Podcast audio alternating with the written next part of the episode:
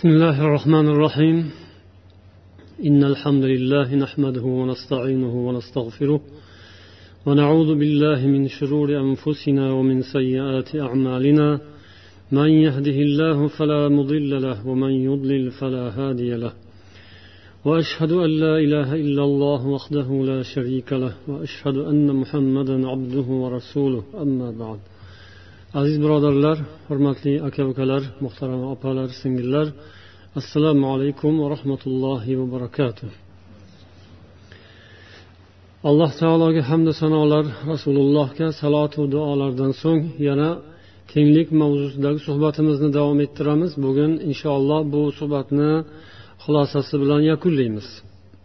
Biz o'tgan safargi uchrashuvimizda ayollar o'rtasidagi tenglik ya'ni birdan ortiq ayoli bo'lgan odamlarni o'zaro ayollarni o'rtalaridagi tenglikni saqlash adolatni saqlash mavzusi haqida gapirayotgan edik mana shunga yana bitta misol bilan demak suhbatni davom ettiramiz عن انس بن مالك رضي الله عنه قال ان النبي صلى الله عليه وسلم كان عند بعض نسائه anas ibn molik roziyallohu anhu aytadilar imom buxoriy rivoyat qilgan hadisda payg'ambar sollallohu alayhi vasallam ayollardan birining uyida edilar ya'ni navbatlari bo'lgan ayolning uyida edilar فأرسلت إحدى أمهات إحدى أمهات المؤمنين مع خادم بقصعة فيها طعام shunda ummahatul mo'minin onalarimizdan birlari bir xizmatkorni qo'liga kosada yoki bir rivoyatda laganda bir taom berib jo'natdilar ya'ni payg'ambar sollallohu alayhi vasallam boshqa uyda bo'lsalar ham boshqa uydagi ayollar taom jo'natishar edi. Shunday qildilar. Haligi uylarida turgan ayol buni ko'rgandan keyin biroz holatlari o'zgardi. Haligi taom olib kelgan xodimni qo'lidan taomni olish o'rniga qo'liga bitta urdilar. Keyin u lagan tushib ketib bo'linib ketdi. Ikkiga bo'linib ketdi. Payg'ambar sollallohu alayhi vasallam o'zlari kelib haligi bo'lingan laganni olib bir biriga ulab to'kilgan taomni unga sola boshladilar. Keyin aytdilarki g'orat ummukum g'orat ummukum dedilar. Ya'ni onalaringizni rashklari keldi rashk qildilar. Onangiz rashk qildi deb aytdilar. Ya'ni holatni shunday bir yengillikka burib bunga bir judayam jiddiy tus bermasdan vaziyatni yumshatdilar. وحتى أتى بصفحة من عند التي هو في بيتها. o'sha uyni egasini laganni olib kelib berdilar keyin laganga lagan dedilar yoki yana bir rivoyatda haligi qilgan ishlaridan afsus chekib u ayol nima qilsam bo'ladi endi deb o'sha yerda o'zlarini qilgan ishlarini xato ekanligini bilib afsuslangan paytlarida laganga lagan dedilar payg'ambar alayhissalom ya'ni shu uydagi laganni olib haligi singan laganga o'rniga berdilar va xizmatkorni ham ushlab to'xtatib o'tkazib hammani qani olinglar yenglar deb o'sha to'kilgan taomni terib yana laganga solib birgalashib iste'mol qilishdi yeyishdi. Mana shu hadisni sharhida ibn hajar yozgan ekanlar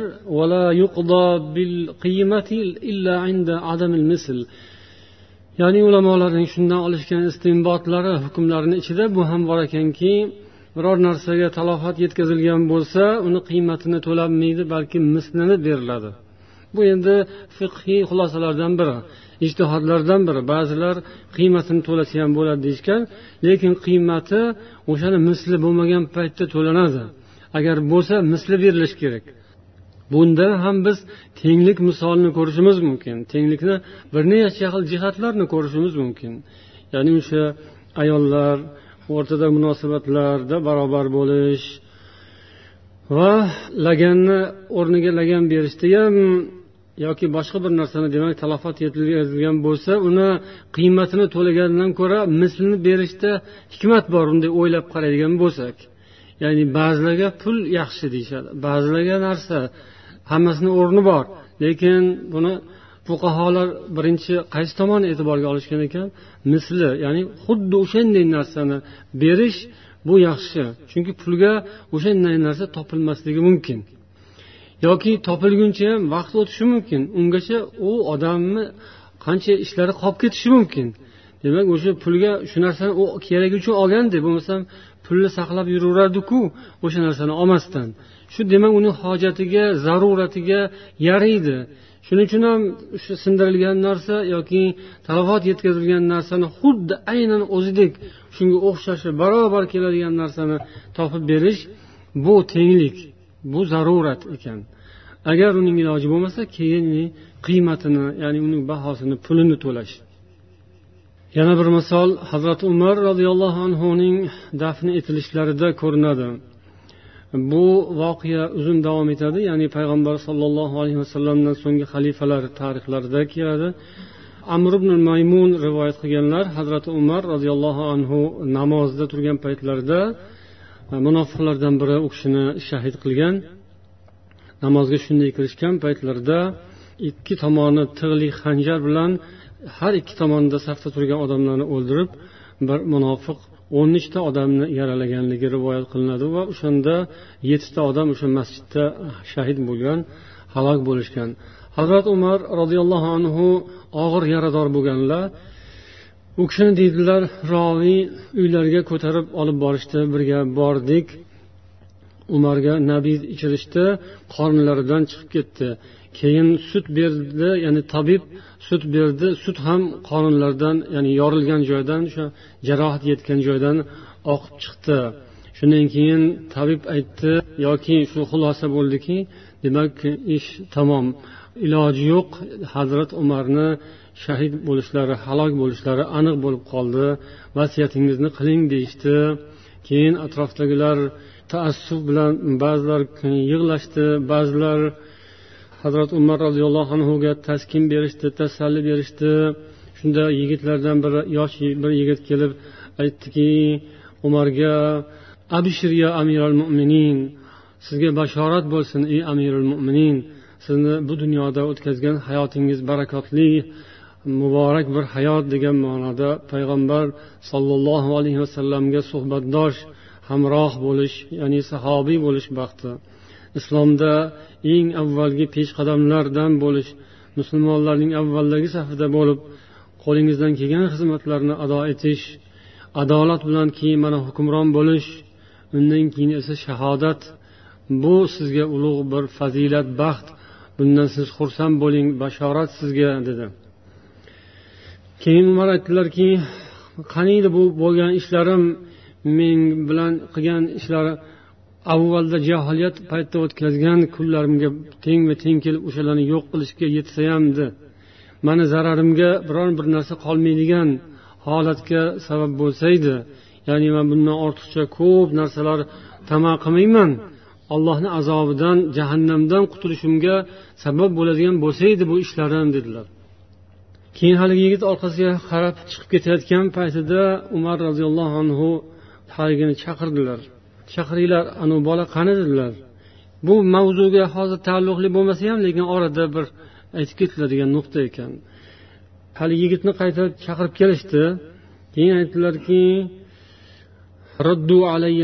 hali bolani manga chaqirib yuboringlar. Kelgandan keyin yabna ahi ey jiyanim irfa savbaka kiyimingni ko'tar sal dedilar kiyimingni sal ko'tar kiyiming toza pokiza bo'lib yuradi va o'zing ham olloh robbing huzurida taqvodor bo'lasan dedilar. Ya'ni izorini yerga tirqazib yurganlarga tegishli bo'ladi. Ya'ni uzun kiyimini judayam uzun kiyib yoki ishtonini shalvorini yoki hozirgi tilda aytganda shimini uzun kiyib yuradiganlarga tegishli narsa. Kiyimini sal ko'tarib kiyish kerakligi chiqadi bu yerda. umar roziyallohu anhu shunday holatda o'zlarini vasiyatlarini qildilar keyin o'g'illarini chaqirdilar abdulloh ibn umar dedilar aytdilarki san hozir oysha ummul mo'mininning huzuriga bor aytginki yaqrau alayka umar assalom umar sizga salom aytadi salom aytyapti deb ayt ولا تقل أمير المؤمنين فإني لست اليوم للمؤمنين أميرا أمير المؤمنين دمه umar de man endi bugun mo'minlarga amir emasman dedilar قل يستأذن عمر بن الخطاب أن يدفن مع صاحبه aytginki umar ibn hattob o'zining ikki do'sti ikki do'stining yoniga dafn etilishiga izn so'raydi sizdan agar izn bersa ruxsat bersalar salom ayt qayt dedilar Abdulloh ibn umar ya'ni o'g'illari bordilar oysha onamizni hujralariga o'tirib yig'lab o'tiribdilar ya'ni oysha onamiz. Ya'ni bu xabar hamma yoqqa tarqab ketdi bir zumda. Kelib aytdilar abdulloh ibn umar umar ibn hattob sizga salom aytadilar va o'zlarini ikki do'stlarini yoniga dafn qilinishlarini haqida sizdan izn so'raydilar. Oysha aytdilarki man o'zim uchun mo'ljallab qo'yuvdim o'sha yerni. Endi bugun u kishini man o'zimdan muqaddam ko'raman. U kishiga taqdim qildim o'sha joyni dedilar. Umar o'g'illari abdulloh qaytib kelganlaridan keyin mani tiklanglar dedilar umar. Ya'ni tiklashdi o'tqazishdi. Keyin so'radilarki nima xabar olib kelding? dedilar o'g'illariga. o'g'illari aytdilarki ya amiral mo'minin ey amirul mo'minin sizga yoqadigan narsa ya'ni siz istagan xabarni olib keldim azinat ruxsat berdilar قال الحمد لله ما كان من شيء أهم إلي من ذلك الحمد لله hozir manga bundan muhim narsa yo'q edi o'zi dedilar agar man ajalim yetib vafot bo'lsam dedilar umar Meni ko'tarib olib boringlar o'sha yerga sallim keyin salom bersan yana. Abdulloh umar ibn xattob degin. Umar ibn xattob sizdan izn so'raydi ruxsat so'raydi. Agar ruxsat bersalar olib kiringlar. Agar ruxsat bermasa qaytarsa meni qaytarib olib borib musulmonlarning qabristoniga dafn qilinglar dedilar. Subhanalloh. Ya'ni bo'ldi. Og'izdan chiqdimi? Eshitdinglarmi? Guvohmisizlar bo'ldi. O'sha gap gap. Demadilar. Holatdan holatni farqi bor. U chin dildan rozi bo'ldimi yoki boshqami? Balkim olib borganda fikr o'zgarib qolishi mumkindir. Yig'lab yig'lab biroz hovurdan tushadi odam. Ozgina vaqt o'tgandan keyin yana fikrlar keladi. O'zicha aqlli fikrlar kelib qolishi mumkin. Iye yo unaqa emas bunaqaku deb qolishi mayli.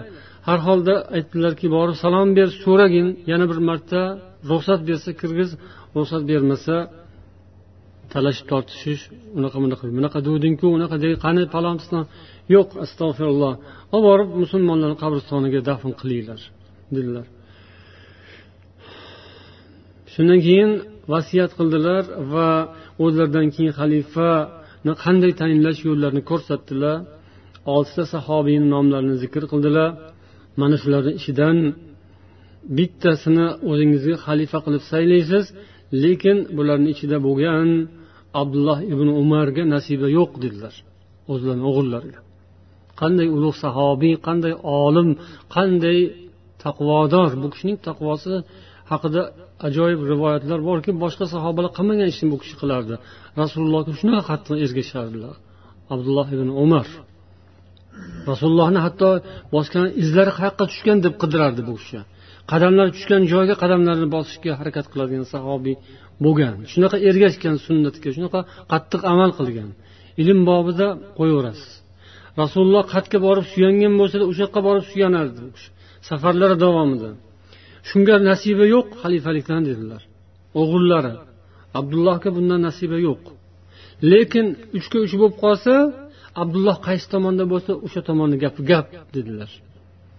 Ya'ni o'sha o'zlari tayinlagan xalifa bo'lishiga tavsiya qilgan oltita sahobiy agar uchta uchi bo'lib ikki taraf bo'lib qolishsa abdulloh ibn umar qaysi tomonda bo'lsa o'shani so'zini olasizlar. Bo'lajak xalifaga vasiyatlarni qildilar. Hamma tabaqadagi odamlarni nomini zikr etib ansoriylar muhojirlar arobiylar chetdagi keyin musulmon bo'lganlar birontasini eslaridan chiqarmasdan nomini zikr qilib hammasiga yaxshilik qilinglar. O'sha xalifa hammasiga yaxshilik qilsin insof qilsin rahm shafqatli bo'lsin deb o'zlarini vasiyatlarini qilib keyin omonatni topshirdilar. Alloh rozi bo'lsin. U kishi amal qilgan tenglik islom buyurgan al musovat al adl buning misoli. Endi birodarlar tenglik haqida adolat haqida gapirganimizda yana o'zidan o'zi boshqa masalalar ko'ndalang bo'ladi. Tenglik tushunchasini ba'zan biza noto'g'ri tushunib qolishimiz mumkin. Tenglikni ikkita chegarasi bor. Ba'zan u chegarasini buzib yuboramiz ba'zan bu chegarasini buzib yuboramiz. U chegarasi zulm bu chegarasi esa beboshlik o'rtasi tenglik va adolat. Adolat va tenglik al musovat aytdik ba'zan mutarodif birini o'rnida ikkinchisini qo'llanish mumkin.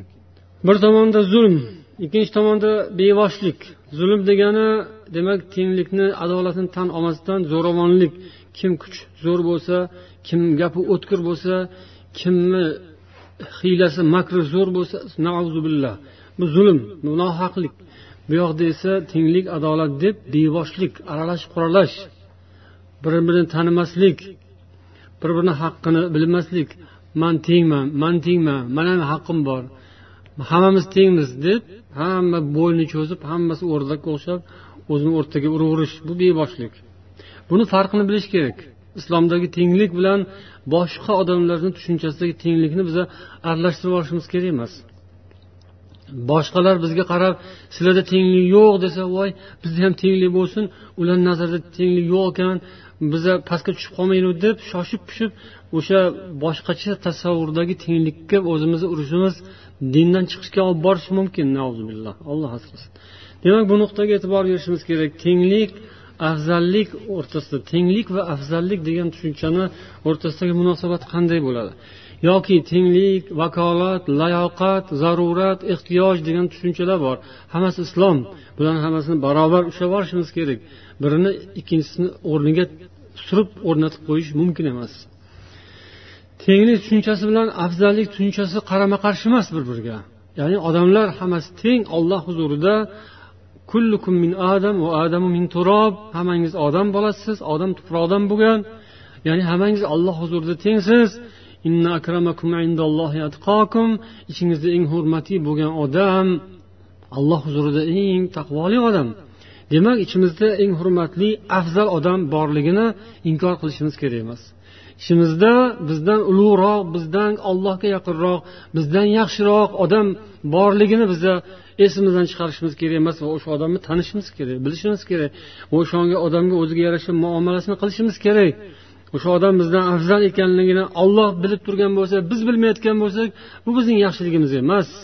Va bu hayotda ham aksini beradi bu. Alloh huzurida yaxshi bo'lgan odamlarni o'zini o'rni bor hayotda va vazifasi bor. O'sha vazifasini u qilish kerak yoki uni haqqi bor o'sha haqqini biz unga berishimiz kerak. Eng kichkina misol ota ona bilan bola katta bilan kichkina va hokazo shunga o'xshagan tushunchalar. Bular bir biriga qarama qarshi emas tenglik bilan qarshi emas. Odamlar insonlik jihatdan teng hammasi bir biri bilan. Lekin boshqa jihatlari taqvolari bilan ibodatlari bilan amallari bilan bir birlaridan farqlari bor. Bu e'tiborli narsa. Ammo o'zlariga o'zlari qo'shimcha huquqlarni yasab olishlari mumkin emas. O'zlariga o'zlari ko'p narsani halol qilib bu mani haqqim deb shunday narsalarni qilish bu dinni buzish bo'lib qoladi olloh qo'ygan payg'ambar qo'ygan chegarani orasida tengmiz allohni qonuni oldida shariat amallari huzurida barobarmiz o'zimiz vazifamizni bajarishimiz kerak وقال ابن كثير رحمه الله تعالى جميع الناس في الشرف بالنسبة الطينية إلى آدم وحواء عليهم السلام سواء ibn kasir rahimaulloh yozadilarki odamlar loylik nisbati bilan hamma loydan yaralganlik e'tibori bilan va odam va havvoga mansub ekanliklari bilan alayhissalom savoun barobardirlar hamma o'sha ikkita zotdan tarqalgan ular diniy ishlarda farqlanadilar وهي طاعة الله تعالى ومتابعة رسوله صلى الله عليه وسلم allohga itoatda va payg'ambarga ergashishda bo'ladi bu afzallik ولهذا قال سبحانه وتعالى بعد النهي عن الغيبة واحتقار بعض الناس shuning uchun alloh taolo qur'oni karimda g'iybatdan qaytardi odamlar bir birini tahqirlashlaridan qaytardi bir birlarini masxara qilishdan qaytardi hammangiz barobarsiz biringiz biringiz tahqir qilmang g'iybat qilmang barobar odam yo kimdir g'iybat qilayotgan odam pastda bo'lishi mumkin aslida ehtimol shundan keyin alloh taolo o'sha hammangizni ey insonlar ya ayyuhannas inna xalaqnakum min zakarin va unsa dedi. Ey odamlar biz sizlarni bir erkak va bir onadan yaratdik va sizlarni turli xil qavmlar millatlar qilib qo'ydik toki bir biringiz bilan tanishishingiz uchun dedi. Bu jihati mana odamlar deb murojaat qilayotganligi e'tiborli narsa. Qur'onni hammasida bu musulmonlar ey iymonli odamlar ey musulmonlar deb murojaat qilgan emas. Alloh ko'p joyda ey insonlar deb murojaat qilgan. Bu insonlarni ichida kofiri ham bor musulmoni ham bor yaxshisi ham bor yomoni ham bor. Hammasini alloh taolo bir biriga tenglashtirib ham murojaat qilgan. Bu ham e'tiborli narsa. Ya'ni hammangiz loydan yaralgansizlar. Musulmonu kofir hammangiz. Buni esingizdan chiqarmang va buyog'ini ham esingizdan chiqarmang. Ya'ni taqvo jihatini وأما قوله صلى الله عليه وسلم الناس بخير ما تباينوا فإذا تساووا هلكوا payg'ambar sollallohu alayhi vasallamning hadislari odamlar bir birlaridan ajralib tursalar ular yaxshilikda bo'ladilar lekin barobar bo'lsalar halok bo'ladilar degan hadis bor ekan bu hadisni sharhlab ibn asir va boshqa ulamolar o'zlarini sharhlarini yozishgan. Lekin man bu hadisni bilmadim ya'ni sahihmi zaifmi hasanmi darajasini tekshirib topolmadim ichinglarda eshitganlardan topadiganlar bo'lsa bizga ham xabar berib qo'ysanglar yaxshi bo'ladi. Ya'ni bu hadisni na shayx alboniyning muallifotlaridan asarlaridan na hozirda internetda saytlar bor hadislarni sahih zaiflarga ajratib beradigan mutaxassis ulamolarni saytlari bor. O'shalardan birontasidan chiqmadi bu hadis. Na zaif deb na sahih na hasan deb. lekin ibnul asir ya'ni mana bu kishi ushbu hadisni keltirganlar va sharhini ham keltirganlar odamlar bir birlaridan ajralib tursalar yaxshilikda bo'ladilar barobar bo'lib qolsalar halok bo'ladilar degan ma'nosi كما قال ابن الأثير إنهم يتساوون إذا رضوا بالنقص وتركوا التنافس في طلب الفضائل agar ular o'zlarining nuqsonlariga rozi bo'lsalar nima bo'lsa o'sha deb shunday o'tiraversalar tanofus musobaqadan voz kechsalar musobaqani tark qilsalar fazilatga martabaga erishishga harakat qilishdan to'xtasalar ular barobar bo'lib qoladilar hammalari va shundan keyin halokat bo'ladi. Bu endi jaholatga xos bo'lishi mumkin. ular ilmda barobar bo'lmaydilar odamlar. Haqiqatdan e, bu jihati e'tiborli. To'g'rimi? Sizlar ham angladinglarmi? Qo'shilasizlarmi shu fikrga? Ya'ni hammamiz tengmiz hammamiz bir xilmiz desa hammamiz bir go'rmiz deganga o'xshagan narsa. Hammamiz bir xil hayvonga o'xshagan degan narsa. Nauzubillah. Unaqa emas. Odamlar bir biridan ajralib turishi kerak bir biridan farqli bo'lib turishi kerak. O'shanda yaxshilik bo'ladi. O'sha yaxshilik bilan ajralish ya'ni pul bilan mol bilan moshina bilan imorat bilan kiyim bilan va hokazo va hokazo emas. Uddaburonlik bilan ustamonlik bilan makr bilan va hokazo unaqa emas. Yaxshilik bilan ilm bilan taqvo bilan solih amallar bilan yaxshilik bilan yaxshi xulq bilan va hokazo bilan ajralsa yaxshi. Shunga intilsa yaxshi shunga musobaqa qilsa yaxshi. Agar kimga shu musobaqa yoqmasa u yaxshi emas. Hammamiz bir xil turaylik. Mani yomonligim bilinmasin hamma bir xilda bo'lsin. Mani aybim bilinmasligi uchun anu ham aybdor bu ham aybdor hamma bir xilda aybdor bo'libdi. Bu yaxshi emas. Demak insonlar bir biridan yaxshilik jihatlari bilan ajralib turishlarida yaxshilik bor shunga intilishda yaxshilik bor. Agar ular barobarlikka barobarlikni mana bunaqa salbiy ma'nosidagi teskari ma'nosidagi barobarlikka rozi bo'lishsa halok bo'ladi taraqqiyot bo'lmaydi hamma orqaga ketadi u yerda demak halokat bo'ladi degan ma'noda ekan. La havla vala quvvata illa billah. Odamlar demak fazilatda bir biridan farqi bor qobiliyatda farqi bor. Har kimda har xil qobiliyat bor. Birovda bor ikkinchisida yo'q. Buni ajratib olish uchun nima qilish kerak? Mana musobaqalar shuning uchun qilinadida kim nimaga qodirligi shunda ajraladi. Keyin o'sha odamlarga loyiq ishlar topshiriqlar vazifalar yuklanishi mumkin. Hammasi bir xilda bo'laversa layoqatsiz odamga o'sha narsa tegishi mumkin. Ba'zan layoqatsiz odam qobiliyatsiz odam badnafs bo'ladi nafs hammada bor. Olloh hammaga hammaga ulashib chiqqan nafsdan. Birovga kattaroq birovga kichikroq lekin bu kichkinasi ham katta bo'lib ketadi. Qo'yib bersa. O'sha nafs aytadiki man hamma narsaga loyiqman deydi. U qo'yib bersangiz oxiri borib borib nimaga loyiqman deydi? Man xudoga loyiqman? deydi. Astag'firulloh. La havla va la quvvata illa billah. Nafs boylikka man loyiqman mansabga loyiqman deydi. Podshohlikka ham bizdan ko'ra loyiq yo'q deydi. Hammasiga borib borib bitta joyga podsho bo'lgan endi anu mamlakat mana mamlakat dunyo dunyoni hammasiga biza podsho bo'lsak nima qilibdi? Mana kuchimiz yetdiku bitta mamlakatni eplashga ketaveradi u yog'i. Keyin osmonga qaraydi. Koinotni zabt etib keyin oyga boshqa joyga ham qurollarimizni olib chiqib qo'ysak nima qilibdi deydi. Lekin o'shanga loyiqmi? Loyiq emasmi? Odamzod bu narsaga islom e'tibor beradi. Ya'ni har bir narsa o'zini o'rnida tursin. Adil shu. Zulm noo'rinlik bir narsani o'rnidan boshqa joyga qo'yish yoki o'ziga loyiq bo'lmagan narsani davo qilish bu zulm.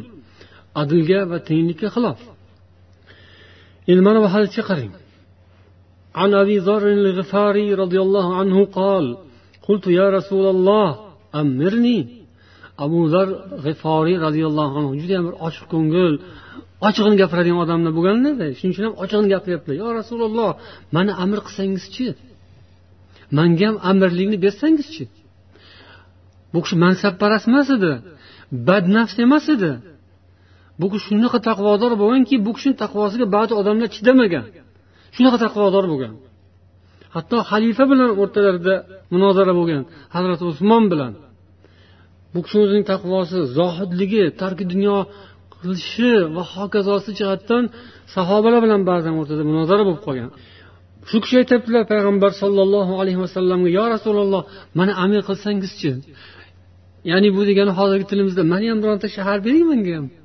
hech bo'lmasa bitta qishloqqa hokim qiling yo bir shaharga hokim qiling u paytdagi hokimlar bilasizlarmi bugungi kunda prezidentlar egallab yotgan mamlakatlar bitta hokimni bitta voliyni bitta omilning hududi bo'lgan hazrati abu zar g'iforiy shunday deb so'radilar قال الإمارة أمانة وهي يوم القيامة خزي وندامة إلا من أمر بحق وأدى بالحق عليه فيها rasululloh sollallohu alayhi vasallam aytdilarki imorat omonatdir ya'ni amirlik bu omonat. Bu qiyomat kuni xorlik va nadomat. Illo kimki haqni buyursa va haqni ado qilib egasiga yetkazsa va o'shanday shu yo'lda tursa o'zining ustidagi zimmasidagi haqiqatni haqlarni ado qilsa bundan mustasno ya'ni bunga loyiq bu odam amirlikka loyiq. Dedilar. Boshqa rivoyatlarda kelgan rasululloh nasihat qilganlar san ikkita odamga ham bosh bo'lmagin deganlar.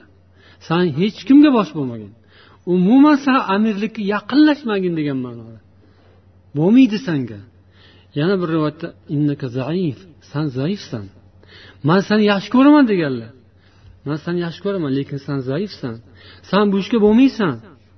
San odamlarga bosh bo'lma orzu qilma davo qilma degan ma'no. O'zingga loyiq bo'lmagan ishga davo qilma. O'zingni yo'lingda obro'yingda haddingda tur o'rningda tur. Shu sanga yaxshi degan ma'noda lekin bu narsani hamma to'g'ri qabul qilmaydi.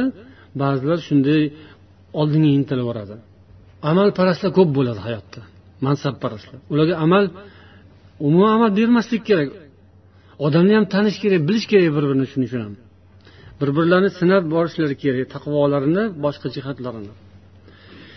Har bir inson o'zini o'rnini bilsa aqlli odam o'sha odam taqvoli odam shunda bo'ladi. Ba'zi odam o'zini aqli yetib tursa ham tan olmaydi. Shunaqa badnafslik bo'ladi. Nauzubillah. O'qimagan ilmsiz tarbiya olmagan behayo odamlar bir ishni egallasa yoki eng yomoni davlat tepasiga minib olsa davlatni bosib olsa davlatni egallab olsa juda ko'p kulfatlar keltiradi.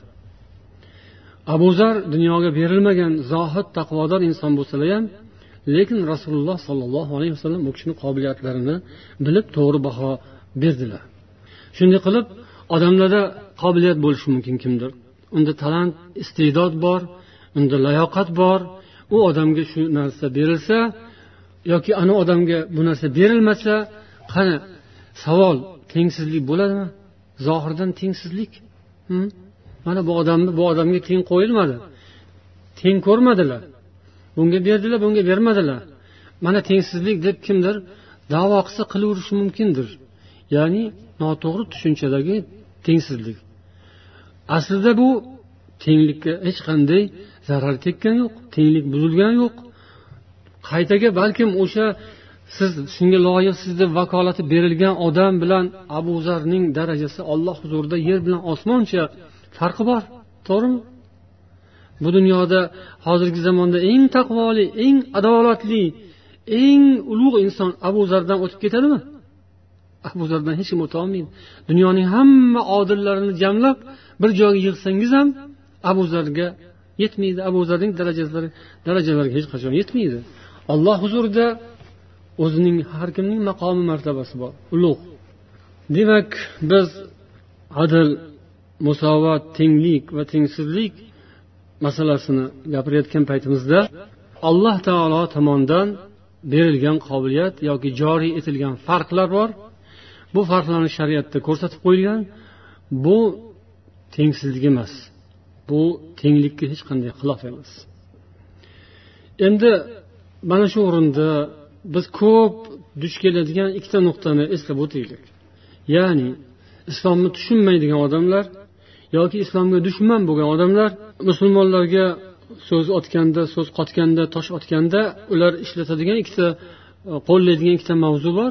Biri shu dindorlik bilan dinsizlik o'rtasidagi mavzu ikkinchisi erkaklar bilan ayollar o'rtasidagi mavzu. Dinga ishonadigan bilan dinga ishonmaydigan odamlarni o'ziga yarasha huquqi bor.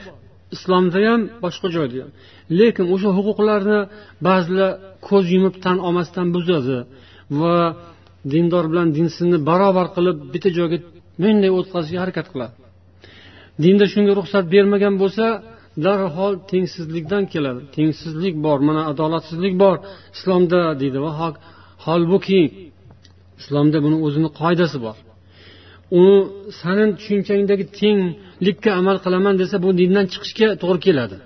Yoki dinni bir joyini kesib berishga to'g'ri keladi. Bu tengsizlikku bu.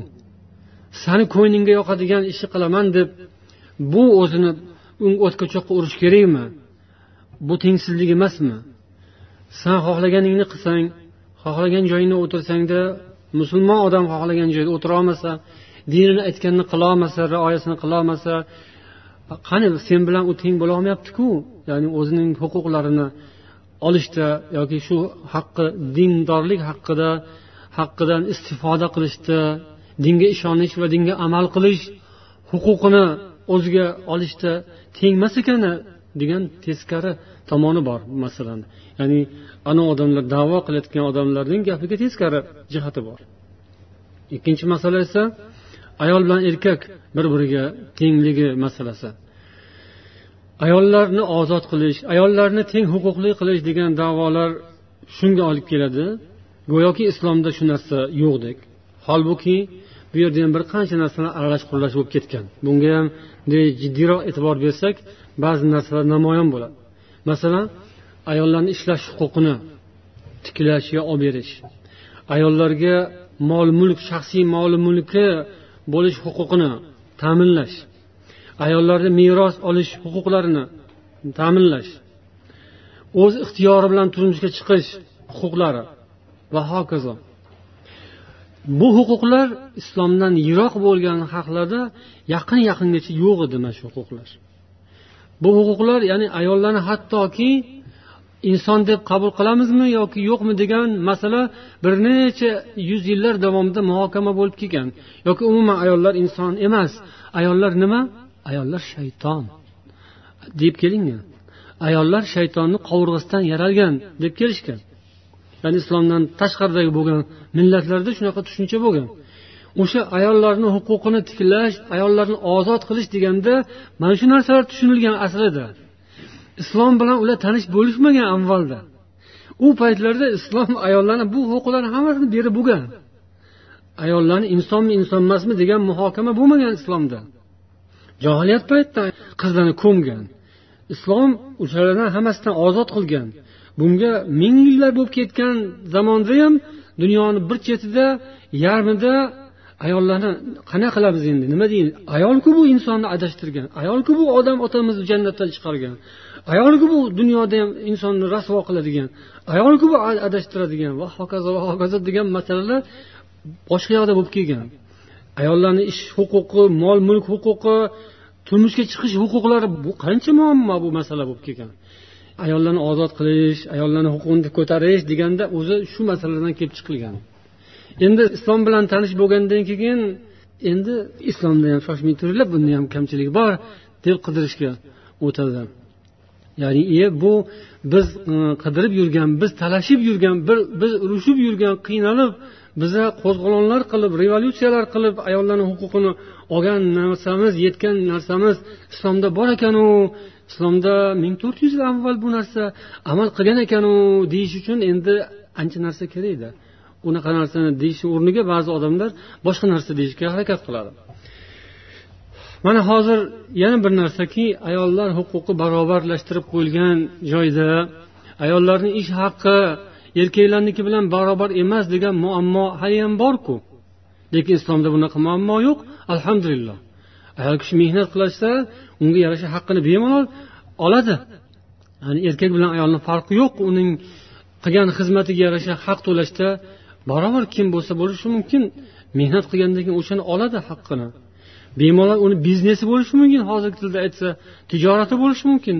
U tijoratiga eri daxl qilishga haqqi yo'q illo boshqa bir jihatdan mayli maslahat boshqa degani xayr istisno bo'lishi mumkin. Lekin ayol kishi bu borada o'ziga bemalol ya'ni haqqi o'zida ayol kishi yoki qiz bolani turmushga berishda ham otasi uni turmushga beradi to'g'ri ota ona topadi to'g'ri kelin kuyovni. Lekin baribir nikohda shu qiz agar rozi bo'lmasa mumkin emas. Ya'ni hadisda kelganku payg'ambar sollallohu alayhi vasallam huzurlariga demak bir qiz shikoyat qilib kelganligi. Ya'ni otasi uni majburlab bir odamga bermoqchi bo'lganda bu masala payg'ambar alayhissalomgacha ko'tariladi. Va u qiz aytadi man roziman otam kimga berayotgan bo'lsalar lekin man shuni bildirmoqchi edimki inson ya'ni ayol kishini majburlab qiz bolani majburlab xohlamagan odamga turmushga berib yuborishga otani haqqi yo'q ekanligini taqrir qilingan.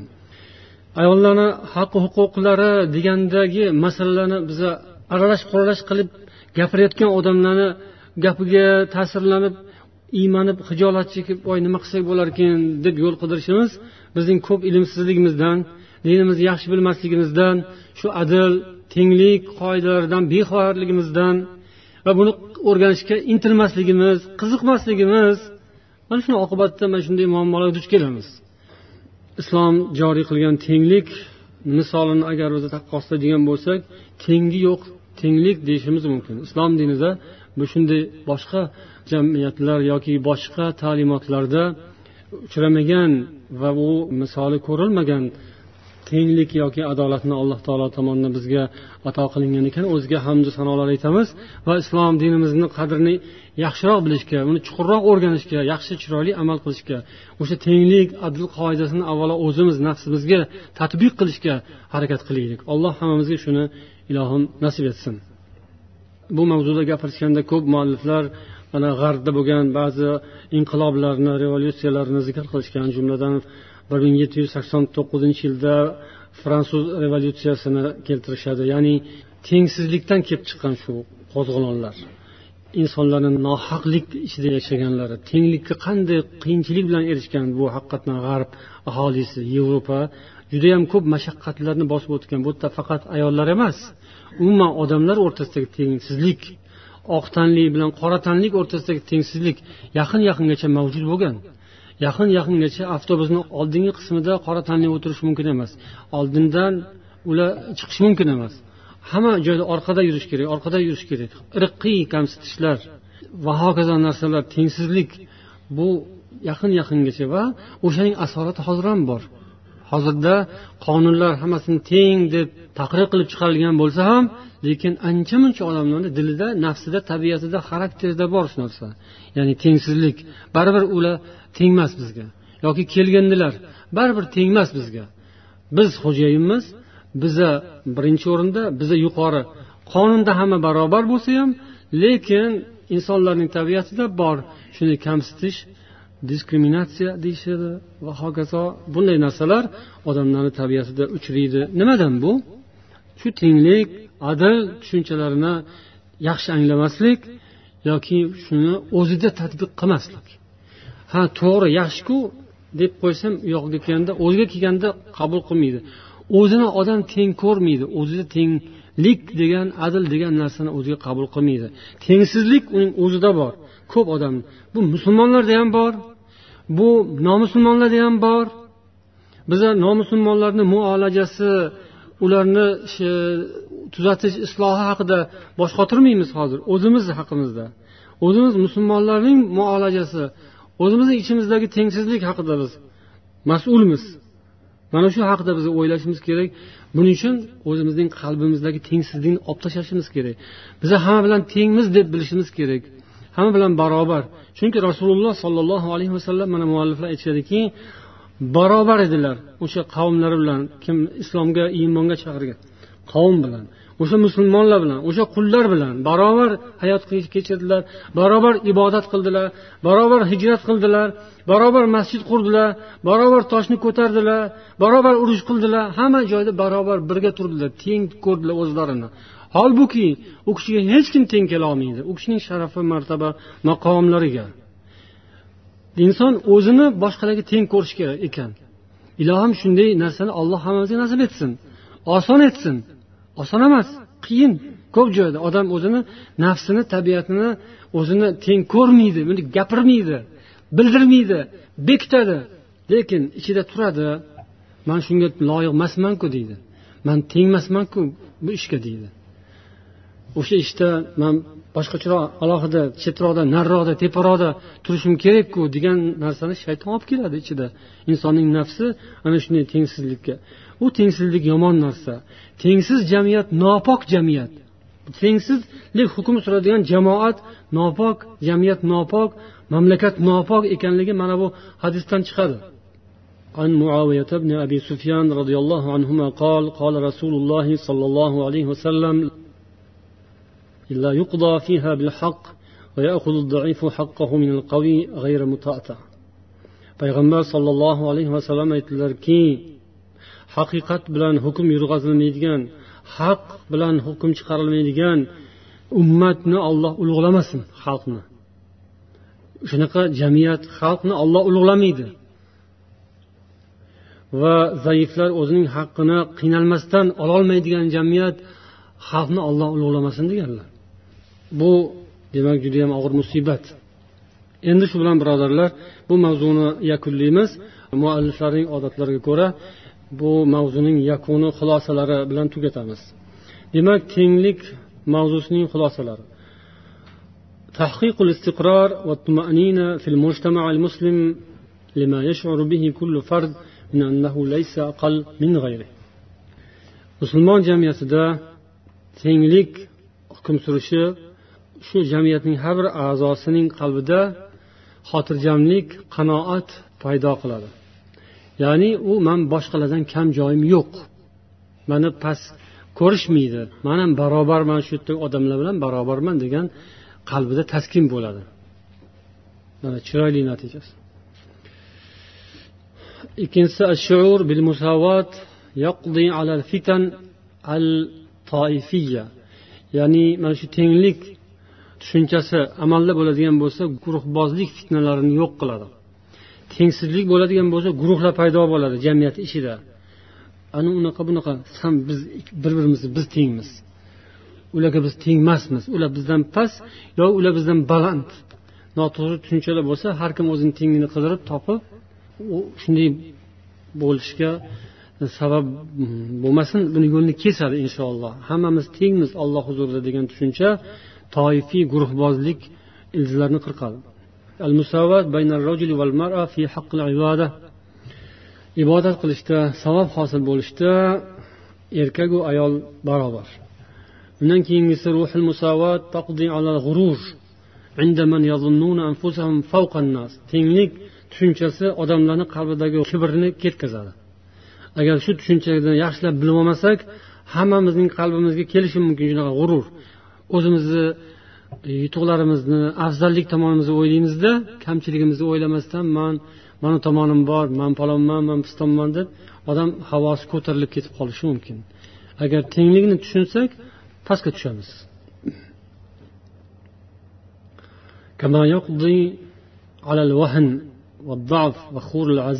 Yana tenglik insondagi bo'shashishlik zaiflik umidsizlik tushkunlik kayfiyatlarini ketkazadi.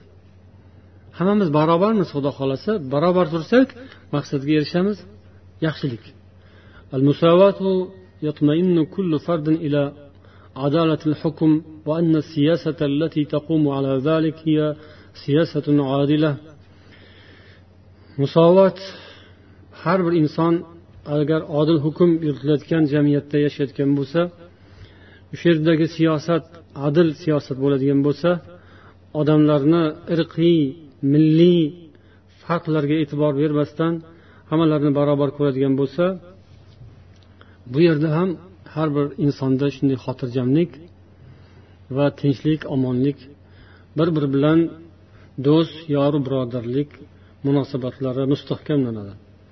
Alloh taolo barchamizga qalbimizga o'zi isloh hidoyat nasib etsin. Eshitganimizga bilganlarimizga amal qilishimizni allohdan so'rab qolamiz. Adil va tenglik hammamiz uchun hamma yerda kerak. Alloh taolo yer yuzida juda ko'p nuqtalarda adolatsizlik tengsizlik hukm surayotgan ekan. Shularni bartaraf etishini allohdan so'raymiz va ana shunday nohaqlik tengsizlik adolatsizlikka cho'mgan yoki g'arq bo'lgan jamiyatlar jumladan bizning o'zbekistonimiz ham shunga bir misol. O'shanday joylarda yana adil tenglik barobarlik mana shunday hislatlar qaytishini allohdan so'raymiz va siz bilan biz ham shunga o'zimizni hissamizni qo'shishimizni alloh nasib etsin. Bizga tayyor oshu o'shanga marhamat emas. Balkim islom harakat mehnat dini islom jihod dini nohaqlikka qarshi kurashadigan tengsizlikka qarshi kurashadigan shunga chaqiradigan din. Hammamiz alloh taolo mana shunday yaxshi xayrli ishlarda hissamizni qo'shishimizni mazlum bo'lib yotgan tengsizlikdan nohaqlikdan azob chekib yotgan birodarlarimizni ozod bo'lishlari ularni ham boshqa odamlar bilan teng ular bilan bir xilda farog'atda farovonlikda erkinlikda ozodlikda hayot kechirishlarini alloh nasib etsin. O'sha mazlumlar mustadafinlar o'g'irlanganlar qamalganlar yoki ochiqda bo'lsa ham xavfu xatarda azob uqubatda tahqirda tengsizlikda azoblanib hayot kechirayotgan birodarlarimiz bor millionlab alloh shularni ozod qilsin shularni ozodligiga bizni ham zarracha bo'lsa ham so'z bilan bo'lsa ham duo bilan bo'lsa ham hissamizni qo'shishni allohdan so'rab qolamiz سبحانك اللهم وبحمدك أشهد أن لا إله إلا أنت أستغفرك وأتوب إليك والسلام عليكم ورحمة الله وبركاته